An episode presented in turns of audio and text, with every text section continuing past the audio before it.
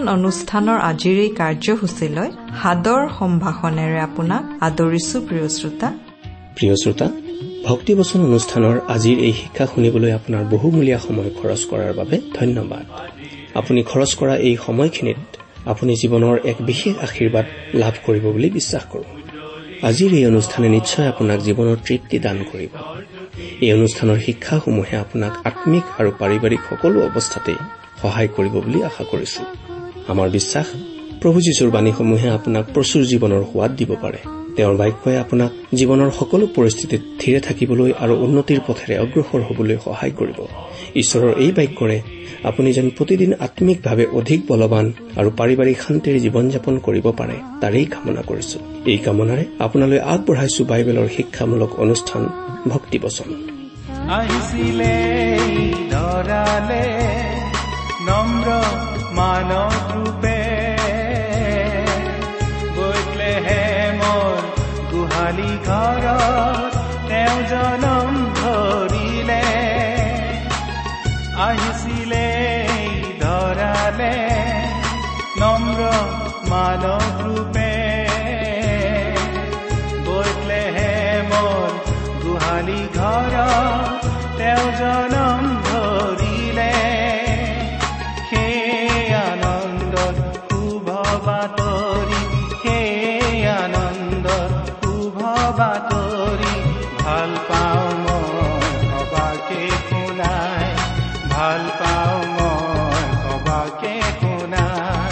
আমাৰ পৰম পবিত্ৰ প্ৰভু যীশুখ্ৰীষ্টৰ নামত নমস্কাৰ প্ৰিয় শ্ৰোতা।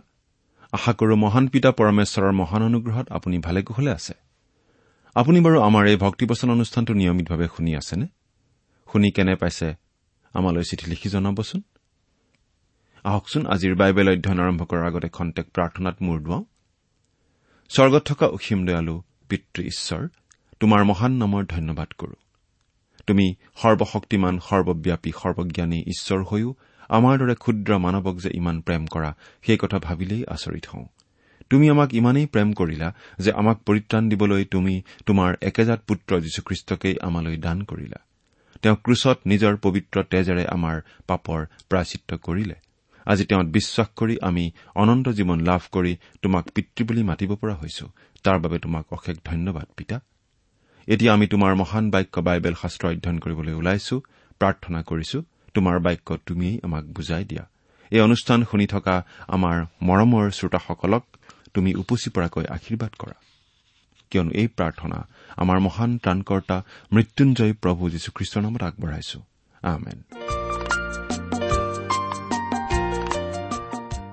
প্ৰিয় শ্ৰোতা যদিহে আপুনি আমাৰ এই ভক্তিবচন অনুষ্ঠানটো নিয়মিতভাৱে শুনি আছে তেনেহলে আপুনি নিশ্চয় জানে যে আমি আজি কিছুদিনৰ পৰা বাইবেলৰ পুৰণি নিয়ম খণ্ডৰ জিহিচকেল ভাৱবাদীৰ পুস্তক নামৰ পুস্তকখন অধ্যয়ন কৰি আছো। নহয়নে বাৰু?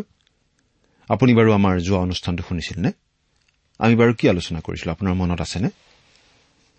যোৱা অনুষ্ঠানত আমি এই জিহিচকেল ভাৱবাদীৰ পুস্তকৰ একৈশ আৰু বাইশ নম্বৰ অধ্যায় দুটাৰ আলোচনা আগবঢ়াইছিলো। গতিকে আজি আমি তেইছ নম্বৰ অধ্যায়ৰ প্ৰথমটো পদৰ পৰাই আমাৰ আলোচনা আৰম্ভ কৰিম। আমি যোৱা আলোচনাত বিশেষভাৱে পাইছিলো জিৰচালেম নগৰখনৰ বিষয়ে ঈশ্বৰে জনাই দিয়া কথা কি কাৰণে সেই নগৰখন আৰু কি কাৰণে সেই যীহুদা দেশ তেওঁ ধ্বংস কৰিবলৈ ওলাইছে সেই কথা জনাই দিছিল। তেওঁলোকৰ মাজত চলি থকা পাপৰ বিষয়ে তেওঁ জনাই দিছিল। তেইছ নম্বৰ অধ্যায়ত জিহিচকেল ভাৱবাদীয়ে আকৌ অলপ আচহুৱা ধৰণৰ কথা কোৱা আমি দেখিবলৈ পাওঁ। তেওঁ মানুহবোৰক এটা আচহুৱা ধৰণৰ উপমাৰে কথা কৈছে।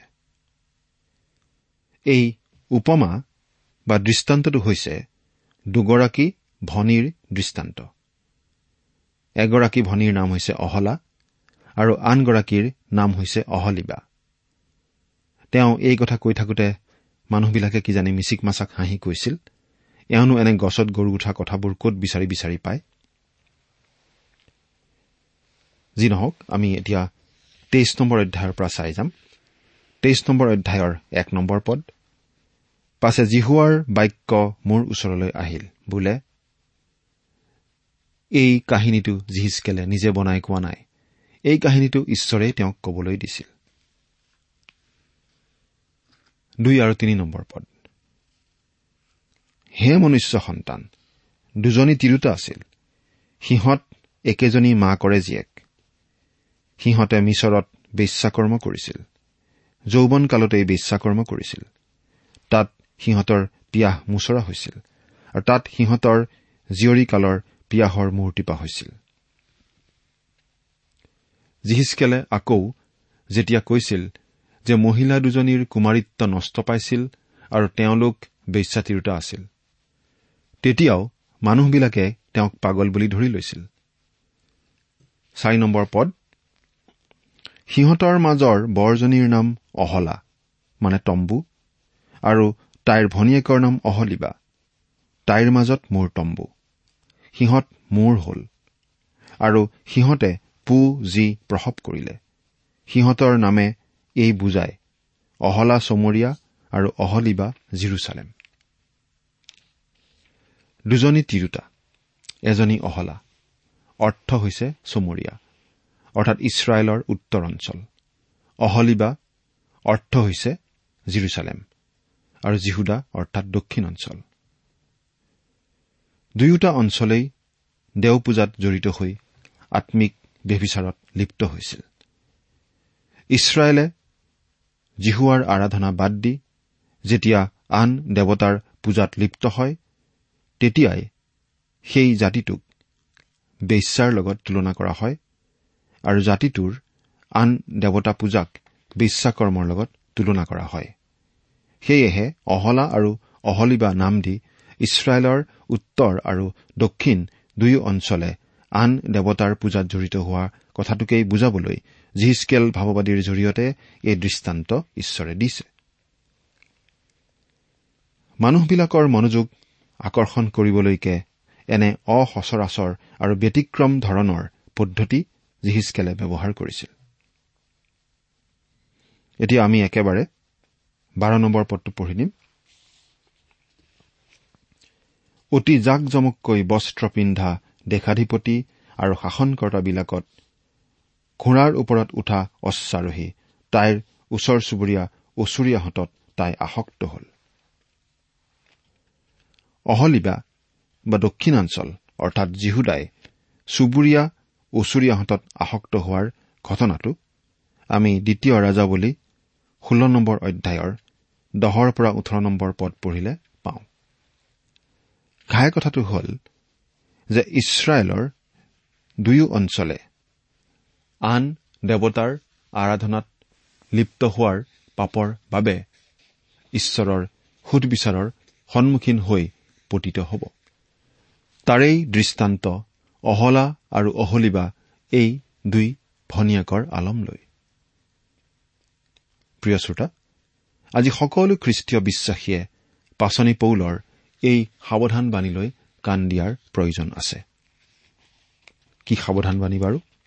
পাচনি পৌলে দ্বিতীয় কৰিন্ঠিয়া তেৰ নম্বৰ অধ্যায়ৰ পাঁচ নম্বৰ পদত এনেদৰে কৈছে আমি পাঠ কৰি দিম। তোমালোক বিশ্বাসত আছানে নাই? জানিবলৈ নিজৰ পৰীক্ষা কৰা আৰু নিজৰ প্ৰমাণ চোৱা। নতুবা তোমালোকে নিজৰ বিষয়ে নাজানা নেকি যে যীশুখ্ৰীষ্ট তোমালোকৰ অন্তৰত আছে? নাথাকিলে তোমালোক অপ্ৰমাণিক লোক। আমি নিজক পৰীক্ষা কৰি চোৱা উচিত। আমি যেতিয়া গীৰ্জাঘৰলৈ যাওঁ আমি বাৰু প্ৰকৃত অৰ্থত ঈশ্বৰৰ উপাসনা কৰোনে? আমি বাৰু খ্ৰীষ্টৰ অধিক ওচৰ চাপি যাওঁনে? আমি বাৰু সঁচাকৈয়ে তেওঁক প্ৰেম কৰোনে? আমি যদি তেওঁক সঁচাকৈয়ে প্ৰেম নকৰো তেনেহলে আমাৰ উপাসনা তেওঁ নিবিচাৰে। জোহনে লিখা শুভবাৰ্তা একৈশ নম্বৰ অধ্যায়ত প্ৰভু যীশুৱে পিতৰক বাৰে বাৰে সুধিছিল পিতৰ তুমি মোক প্ৰেম কৰা নে পিতৰে যেতিয়া প্ৰেম কৰো বুলি খোলাখুলিভাৱে ক'ব পাৰিছিল তেতিয়াহে প্ৰভু যীশুৱে কৈছিল মোৰ মেয়ৰবিলাকক চৰোৱা বুলি। কেৱল তাৰ পাছতহে প্ৰভু যীশুৱে পিতৰক ব্যৱহাৰ কৰিব পাৰিছিল। আমাক বাৰু তেওঁ ব্যৱহাৰ কৰিব পাৰিবনে? এতিয়া আমি চৌব্বিছ নম্বৰ অধ্যায়লৈ আহোঁ হওক। এই চৌব্বিছ নম্বৰ অধ্যায়ত আমি পাওঁ তৌৰ দৃষ্টান্ত। এই দৃষ্টান্তৰ কথা জিহিচকেল ভাৱবাদীয়ে বাবিলত থকা নিজৰ মানুহখিনিৰ আগত দি থাকোতে ঠিক সেইখিনি সময়তেই নবুখনেশ্বৰ জিৰচালেমত নগৰৰ দেৱাল ভাঙি আছিল। তেতিয়াৰ দিনত কোনো দূৰদৰ্শন নাছিল টেলিফোন নাছিল আনহে নালাগে যন্ত্ৰচালিত কোনো যান বাহনো নাছিল। যিবোৰৰ যোগেদি জিৰচালেমত ঘটি থকা সেই ঘটনাবিলাক বাবিলত জানিব পৰা গ'লহেঁতেন। কিন্তু কি আচৰিত সেই অত্যাধুনিক ব্যৱস্থাৰ মাধ্যমেৰে যিমান সোনকালে জনা গ'লহেঁতেন তাতকৈও অধিক সোনকালে জিৰচালেমৰ ঘটনাবিলাক জিহিচকেলে জানিছিল। আৰু লগে লগেই সেই ঘটনাবিলাক তেওঁৰ পদ্ধতিৰে তেওঁৰ ব্যৱস্থাৰে দূৰদৰ্শনত বাবিলত একেবাৰে টেলিকাষ্ট কৰিছিল। কেনেকৈ জানিছিল বাৰু তেওঁ? হয় সৰ্বজন ঈশ্বৰেই তেওঁক সকলো জনাই আছিল। এই তৌৰ দৃষ্টান্তেৰে নবুখত নেচৰে জিৰচালেমত চলোৱা সংহাৰ কাৰ্যটোকেই দূৰদৰ্শনত দেখুওৱাৰ নিচিনাকৈ জিহিচকেলে দেখুৱাইছিল একে সময়তে। যেন পোনপটীয়া তেওঁ টেলিকাষ্টিংহে কৰিছিল। আমি এতিয়া এই চৌব্বিছ নম্বৰ অধ্যায়ৰ প্ৰথম পদ দুটা পাঠ কৰি দিব খুজিছো। পুনৰাই নৱম বছৰৰ দশম মাহৰ দশম দিনা জিহুৱাৰ বাক্য মোৰ ওচৰলৈ আহিল। বোলে হে মনুষ্য সন্তান তুমি এই দিনৰ এই দিনৰে নাম লিখা। আজি এই দিনাই বাবিলৰ ৰজাই জিৰচালেম আক্ৰমণ কৰিছে। এয়া আমি পোন প্ৰথমবাৰৰ বাবে পাইছো জিহিচকেলে তেওঁৰ বাৰ্তাত দিন তাৰিখ জনাই দিছে। এই সময়ত বাবিলৰ ৰজাই নবুখত নেচৰ ৰজাই জিৰচালেমৰ দেৱাল ভাঙি আছিল। সেই ঘটনাৰ বিষয়ে জিহিচকেলে জানিব পাৰিছিল কাৰণ ঈশ্বৰে তেওঁক জনাই দিছিল। তিনি নম্বৰ পদৰ পৰা ছয় নম্বৰ পদ।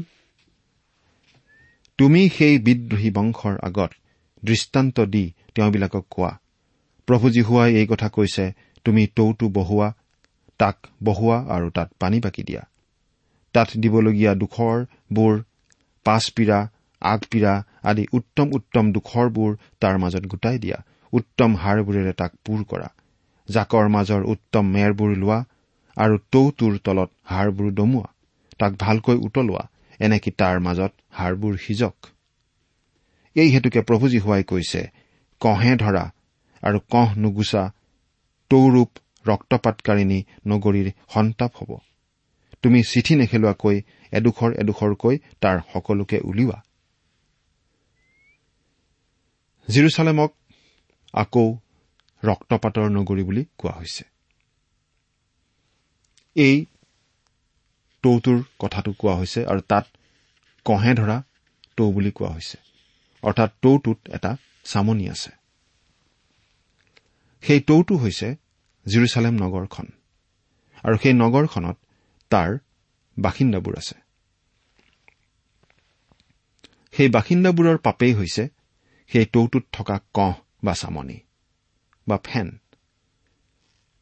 প্ৰিয় শ্ৰোতা এই পৃথিৱীখনৰ কহ বা ময়লা কি জানেনে?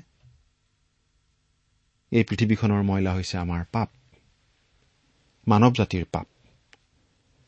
এই পৃথিৱীখন এটা পাত্ৰ এটা টৌ আৰু আমি সকলোৱে এই পাত্ৰটোত আছো। জিৰচালেমৰ সেই পাত্ৰটো আজি আপোনাৰ মোৰ বাবে এই পৃথিৱীখনৰ পাত্ৰটো। আমি জাতি বৰ্ণ নিৰ্বিশেষে সকলো লোক সেই পাত্ৰটোতেই আছো আৰু আমি হৈছো পৃথিৱীখনৰ মলি।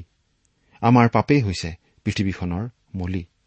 ইয়াতকৈ আৰু চোকা ভাষা কিবা থাকিব পাৰেনে? এতিয়া আমি সাত নম্বৰ পদৰ পৰা ষোল্ল নম্বৰ পদলৈকে পাঠ কৰি দিম। কিয়নো তাই কৰা ৰক্তপাত তাইৰ মাজত আছে। তাই সুদা শিলৰ ওপৰত তাক ৰাখিছে। ধূলিৰে ঢাকি ৰাখিবৰ নিমিত্তে মাটিৰ ওপৰত তাক ঢলা নাই। প্ৰতিকাৰ সাধিবৰ অৰ্থে ক্ৰোধ তুলিবলৈ তাই উলিওৱা ৰক্ত ঢাক নাখাবৰ নিমিত্তে মই তাক সুদা শিলত ৰাখিলো। এই হেতুকে প্ৰভু জিহুৱাই এই কথা কৈছে ৰক্তপাতকাৰিণী নগৰীৰ সন্তাপ হ'ব। ময়ো দমটো ডাঙৰ কৰিম। খৰি দমোৱা জুই বৰকৈ জ্বলোৱা মাংস ভালকৈ সিজোৱা জোল ডাঠ কৰা আৰু হাড়বোৰ জ্বলি যাব দিয়া। তাৰ পাছত টৌটো গৰম হবলৈ তাৰ পিতল পুৰিবলৈ তাৰ মল তাত গলিবলৈ আৰু তাৰ কহ গুচিবলৈ তাৰ আঙঠাৰ ওপৰত তাক খালীকৈ বহুৱা। সেয়ে মোক পৰিশ্ৰমেৰে ক্লান্ত কৰিলে। তথাপি তাৰ বৰ কহ তাৰ পৰা নুগুচে তাক জুইত দিব লাগে। তোমাৰ অশৌচ ব্যভিচাৰযুক্ত মই তোমাক সূচী কৰিবলৈ যত্ন কৰাটো তুমি সূচী নহলা। এইকাৰণে মই তোমাৰ ওপৰত মোৰ ক্ৰোধ মাৰ নিনিয়ালৈকে তুমি তোমাৰ অশৌচৰ পৰা আৰু সূচী নহবা। মই জিহুৱাই ইয়াক কলো এয়ে ঘটিব আৰু মই ইয়াক সিদ্ধ কৰিম। মই ক্ষান্ত নহম দয়া নকৰিম বা মন নাপালতাম। তোমাৰ আচৰণ আৰু কাৰ্য অনুসাৰে তোমাক দণ্ড দিয়া যাব ইয়াক প্ৰভু জীহুৱাই কৈছে। সেই ভাৱবাদীয়ে কিজানি অতি মৰম লগা ইছৰাইলীয়া ছোৱালী এজনীক বিয়া কৰাইছিল।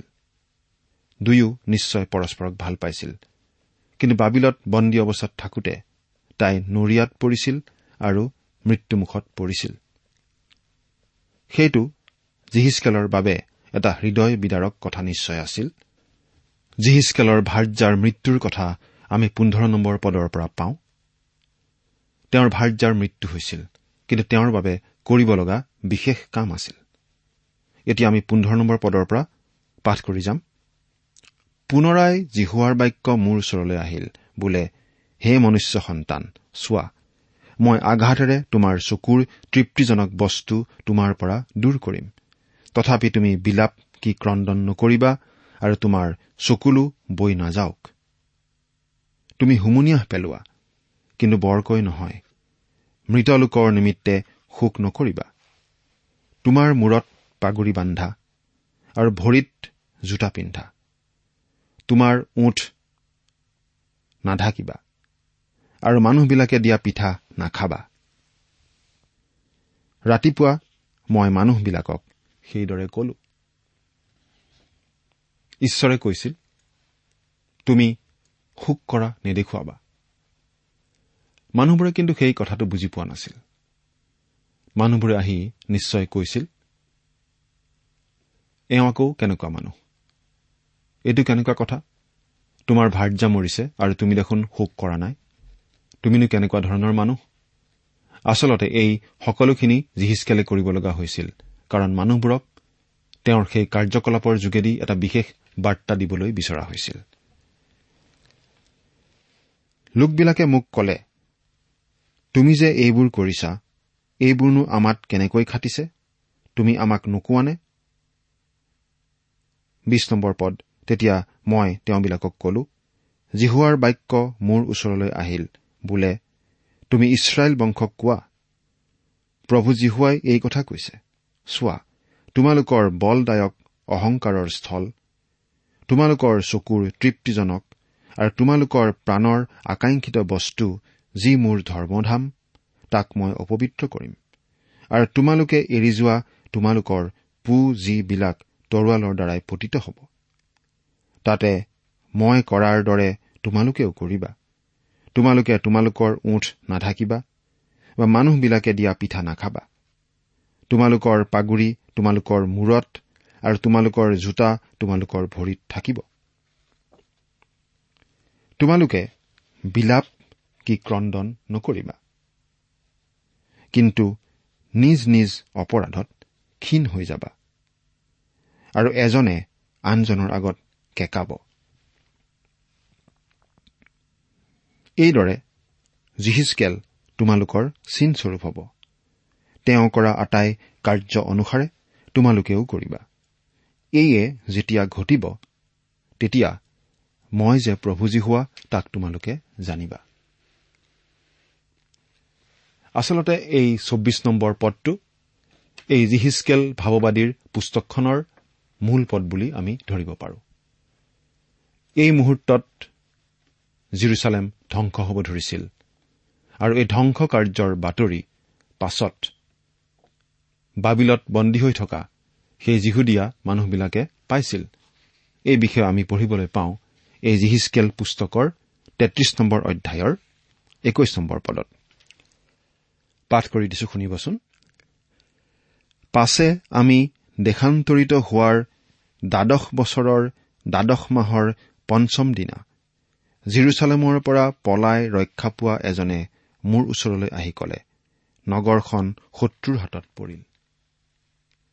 সেই ঠাইৰ পৰা পলাই অহা সেই মানুহে খবৰটো তেওঁলোকক দিছিলহি।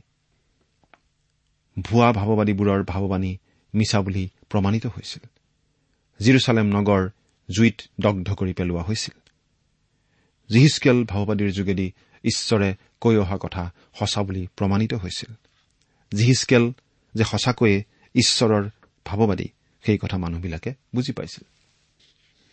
এতিয়া আমি এই চৌব্বিছ নম্বৰ অধ্যায়ৰ শেষৰ পদকেইটা অৰ্থাৎ পঁচিছ নম্বৰ পদৰ পৰা একেবাৰে সাতাইছ নম্বৰ পদলৈকে পাঠ কৰি দিম।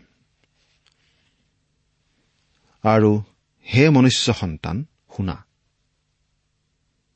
যিদিনা মই তেওঁবিলাকৰ বল তেওঁবিলাকৰ আনন্দদায়ক গৌৰৱৰ স্থল তেওঁবিলাকৰ চকুৰ তৃপ্তিজনক আৰু মনৰ অভিলষিত বস্তু আৰু তেওঁবিলাকৰ পু যিবিলাকক তেওঁবিলাকৰ পৰা দূৰ কৰিম সেইদিনা পলাই ৰক্ষা পোৱা লোকে সেই কথা তোমাৰ কাণত পেলাবলৈ তোমাৰ ওচৰলৈ নাহিবনে? সেইদিনা তোমাৰ মুখ পলাই ৰক্ষা পোৱাজনৰ আগত মুকলি হ'ব। তাতে তুমি কথা কবা। বোবা আৰু নহবা। এইদৰে তুমি তেওঁবিলাকৰ আগত চিনস্বৰূপ হবা আৰু মই যে জিহুৱা তাক তেওঁবিলাকে জানিব।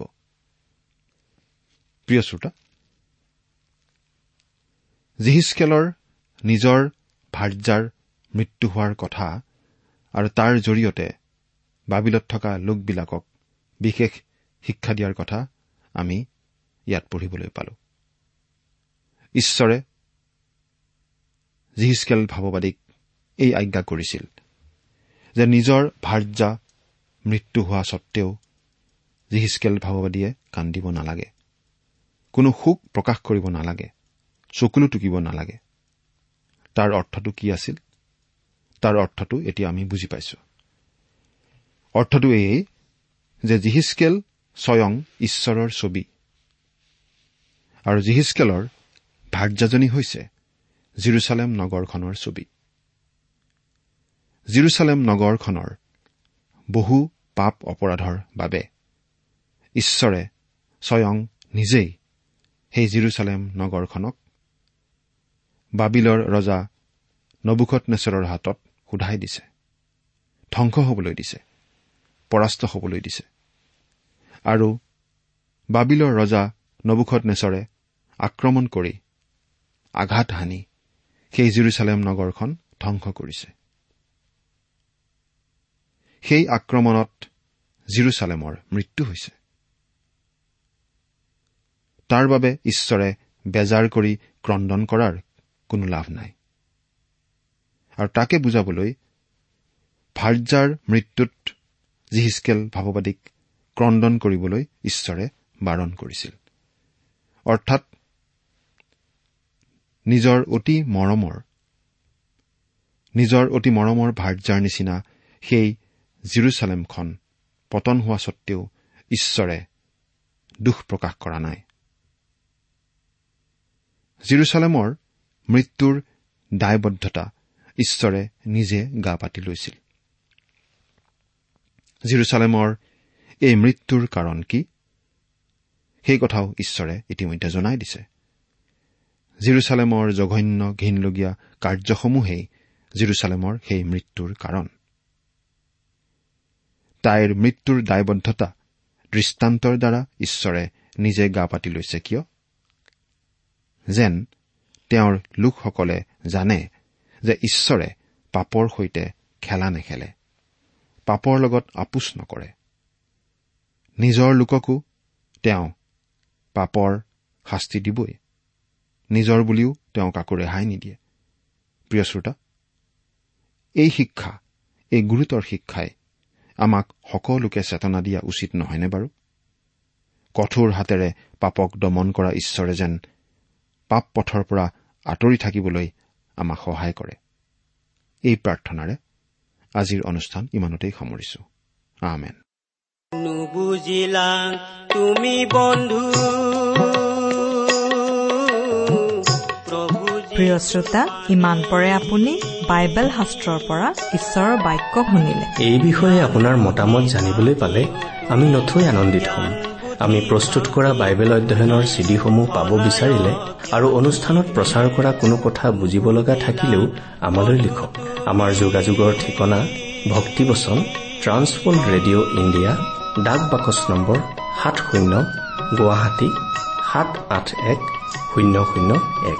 ঠিকনাটো আকৌ এবাৰ কৈছো ভক্তিবচন ট্ৰান্সৱৰ্ল্ড ৰেডিঅ' ইণ্ডিয়া ডাক বাকচ নম্বৰ সাত শূন্য গুৱাহাটী সাত আঠ এক শূন্য শূন্য এক। প্ৰভু যীশু আহিছিল এই পৃথিৱীলৈ পাপী মানুহক পাপৰ পৰা উদ্ধাৰ কৰিবলৈ নুবুজিলা আমাৰ ইমেইল এড্ৰেছটো হৈছে Assamese T TV at the rate radio' eight eight two dot com. আমাৰ website W W W dot T W R dot in আপুনি টেলিফোনৰ মাধ্যমেৰেও আমাক যোগাযোগ কৰিব পাৰে। আমাৰ টেলিফোন নম্বৰটো হৈছে nine eight five four zero' four zero' eight eight nine phone নম্বৰটো আকৌ এবাৰ কৈছো ন আঠ পাঁচ চাৰি শূন্য চাৰি শূন্য আঠ আঠ ন আপুনি এই ভক্তিবচন অনুষ্ঠানটি আমাৰ website W W W dot radio' eight eight two dot কমতো শুনিব পাৰিব। আজিৰ অনুষ্ঠানটি ইমানতেই সামৰিছো। ঈশ্বৰৰ শান্তি আৰু অনুগ্ৰহ আপোনাৰ লগত থাকক। ধন্যবাদ। বন্ধু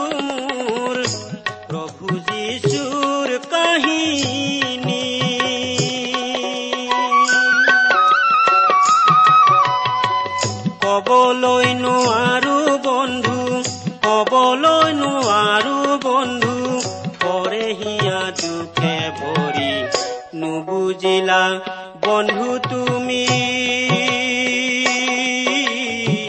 প্ৰভু যীশুৰ বাণী।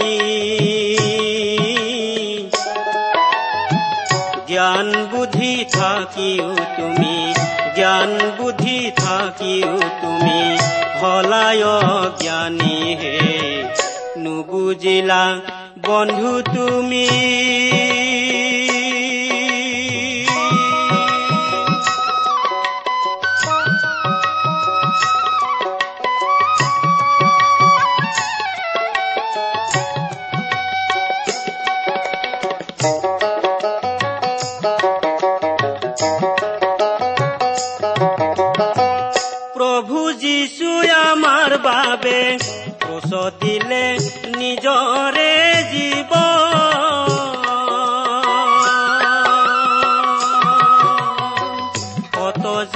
যে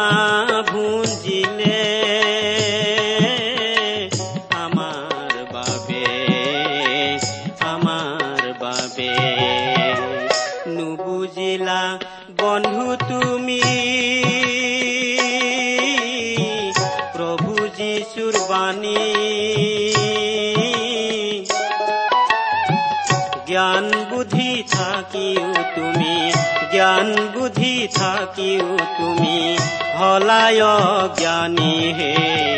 নুবুজিলা বন্ধু